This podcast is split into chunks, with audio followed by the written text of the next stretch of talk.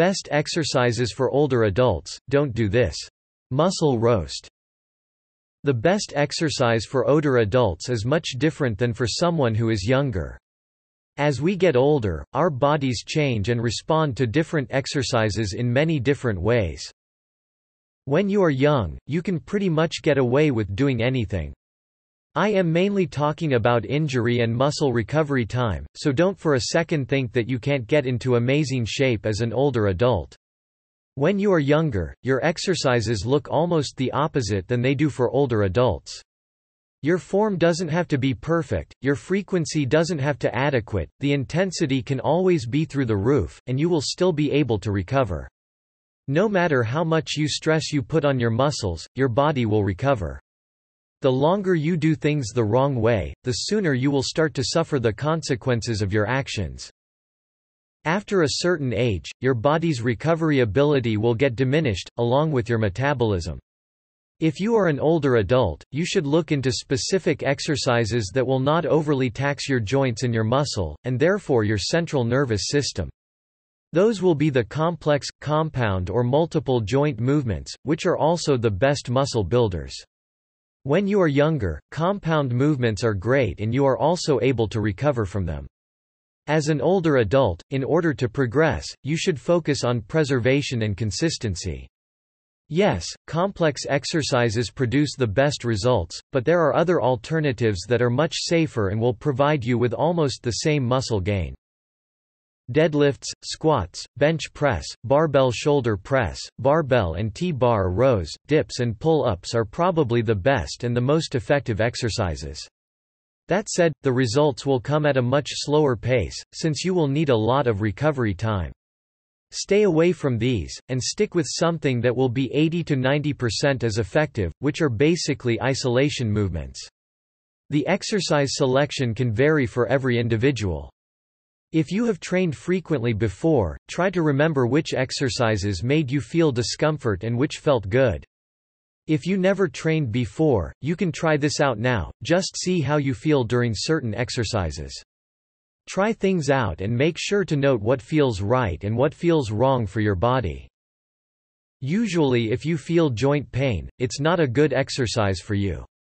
The only thing you should ever feel is muscle tension, and not actual pain. All humans are very similar, that is true, but everybody has a slightly different bone structure and muscle insertions. Some people will enjoy doing deadlifts if they have longer arms and shorter legs. On the other hand, bench press might feel a little funny with those with longer arms. Depending on where your pectoral muscle is inserted, you will either feel pressure on your muscle tendons or the actual pectoral muscle.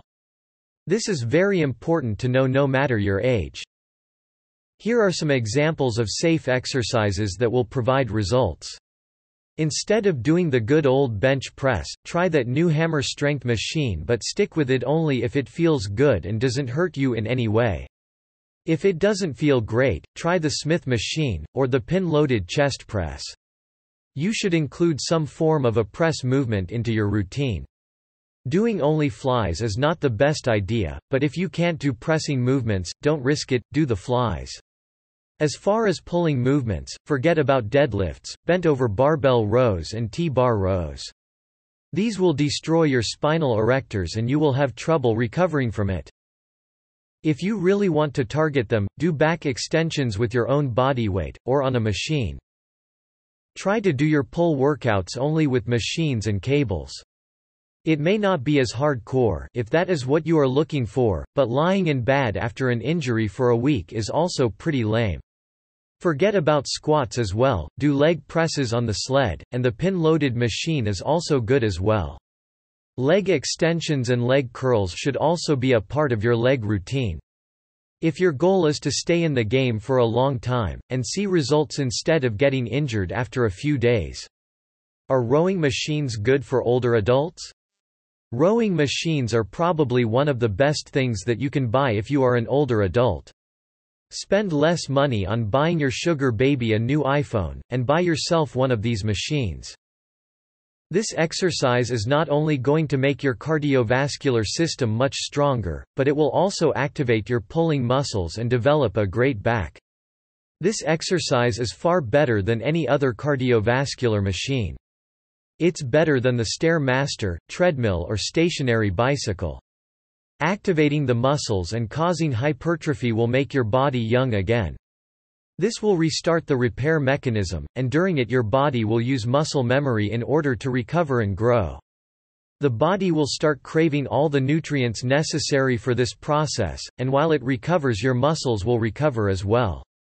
Your blood flow will increase as well, which means your heart will become more efficient at pumping blood.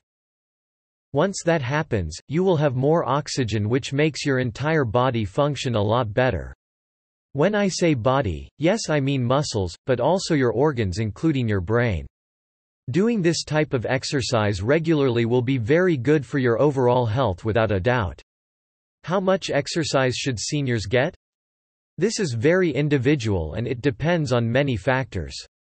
Not knowing your exact age and other markers that are necessary to determine your ideal training frequency, I can only give you tools needed to figure it out yourself. There is this equation, volume x intensity x frequency x recovery equals progress. So, depending on your recovery ability of course, your training frequency will be determined. The time you spend in the gym or the amount of working sets you do in the gym, is also a very important factor in this equation.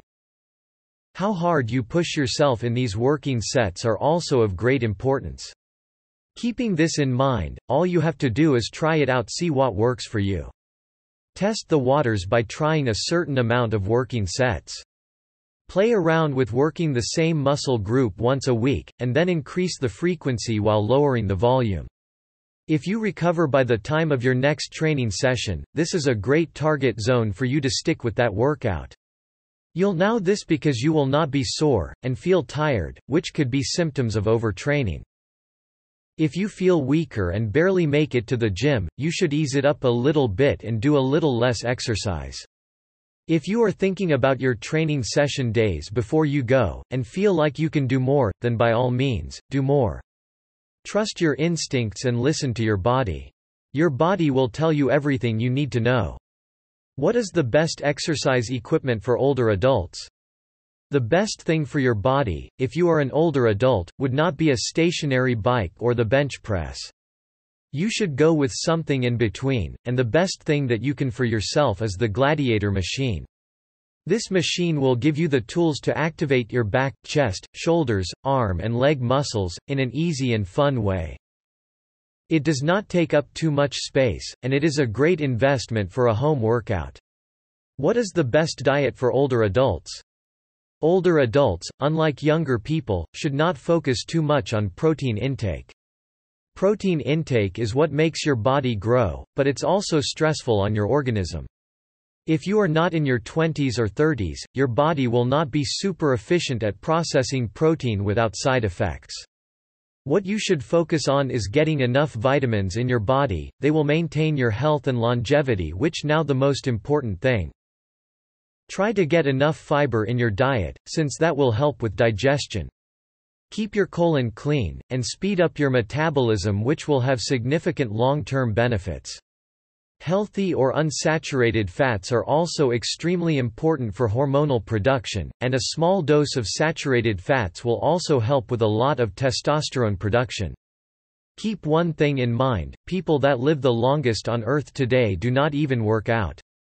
Yes it's true. We were designed in a way that we actually don't need to lift weights, or anything for that matter. If you have a goal to maintain muscle size, that is a different story. Everything is in the diet. A plant-based diet, with some protein is the way to go, and has been proven to increase longevity.